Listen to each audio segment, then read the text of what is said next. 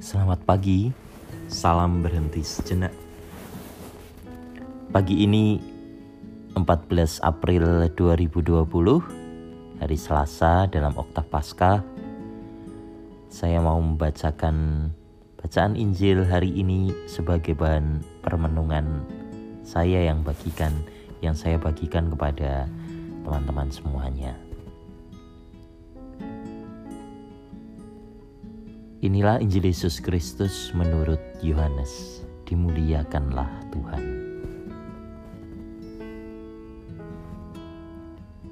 Setelah makam Yesus kedapatan kosong, maka Maria Magdalena berdiri dekat kubur dan menangis.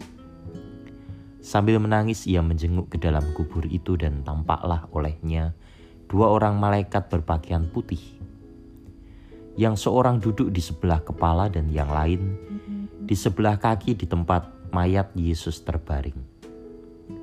Kata malaikat-malaikat itu kepadanya, "Ibu, mengapa engkau menangis?" Jawab Maria kepada mereka, "Tuhanku telah diambil orang, dan aku tidak tahu di mana ia diletakkan." Sesudah berkata demikian, ia menoleh ke belakang dan melihat Yesus berdiri di situ. Tetapi ia tidak tahu bahwa itu adalah Yesus. Kata Yesus kepadanya, "Ibu, mengapa engkau menangis? Siapakah yang engkau cari?" Maria menyangka bahwa orang itu adalah penunggu taman.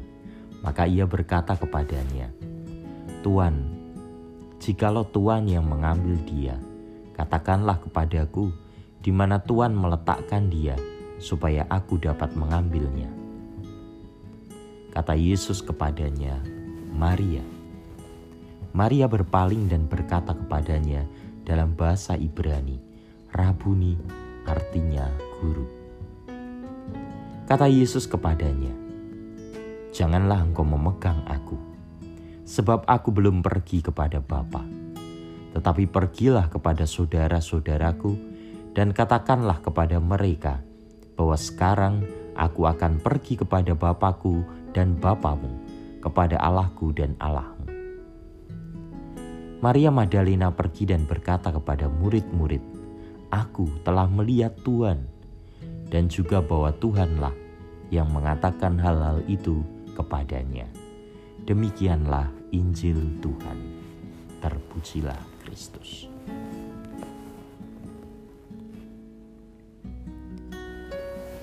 Menangis, terharu,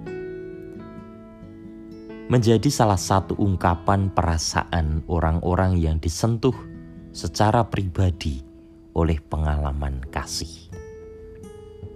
Dan lebih spesial lagi, dalam bacaan hari ini, yang menyentuh secara pribadi adalah pengalaman kasih Allah.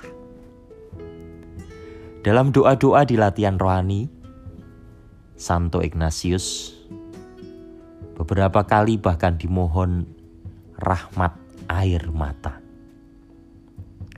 Tentu menangisi diri sendiri berbeda dengan menangis karena disentuh oleh pengalaman kasih ilahi. Menangisi diri sendiri bisa jadi berhenti pada sesal, kekecewaan, terluka tetapi menangis karena disentuh kasih ilahi, bertolak dari kasih tanpa pamrih Tuhan yang mencintai aku yang berdosa ini.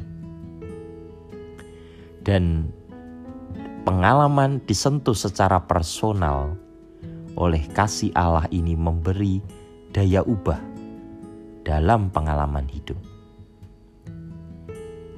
Kita lihat pengalaman Maria Magdalena ia menangis, tetapi kemudian ia mengalami pengalaman sentuhan kasih itu ketika Yesus menyebut namanya Maria.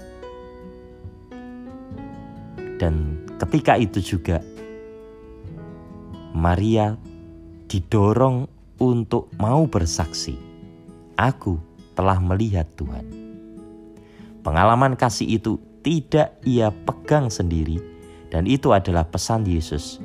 Jangan memegang aku. Tetapi kemudian Yesus mendorong Maria Magdalena untuk mau bersaksi. Dan itu yang Maria Magdalena lakukan. Nah, lalu bagaimana aku, kamu, kita?